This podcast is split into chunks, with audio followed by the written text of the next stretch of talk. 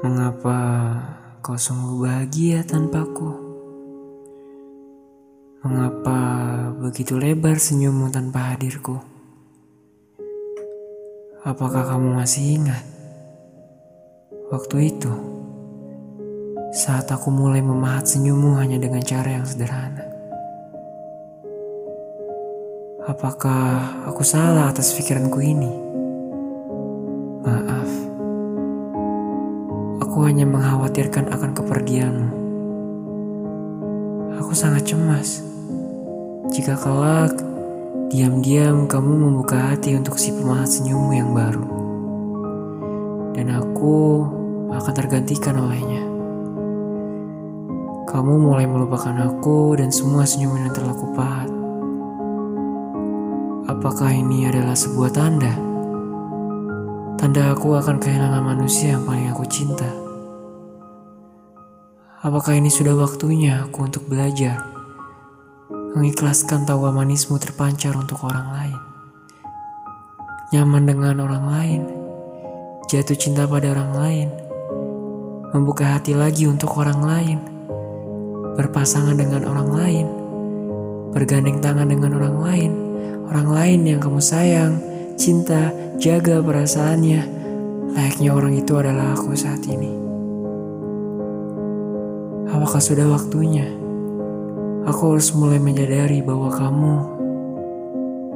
sudah tidak membutuhkan aku lagi. Sudah tidak memerlukan jari jemariku untuk menggenggam tangan kecilmu.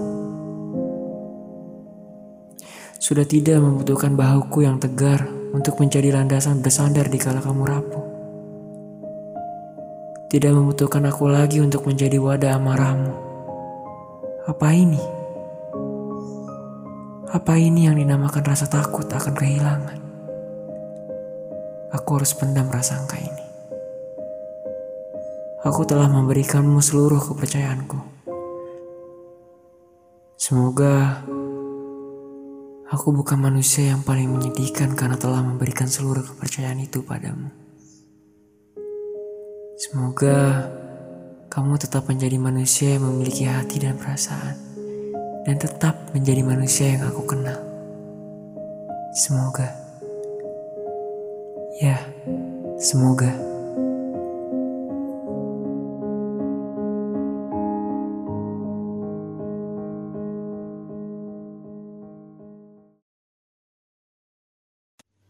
Hai pendengar sudut asa, semoga kalian baik-baik saja.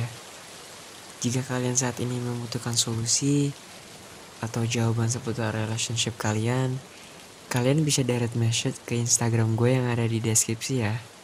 Semoga gue bisa membantu menjawab atau memberi solusi kepada kalian.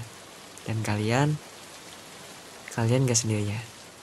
Karena akan selalu ada sudut asa atau sudut harapan yang singgah di hati kalian. Semangat ya.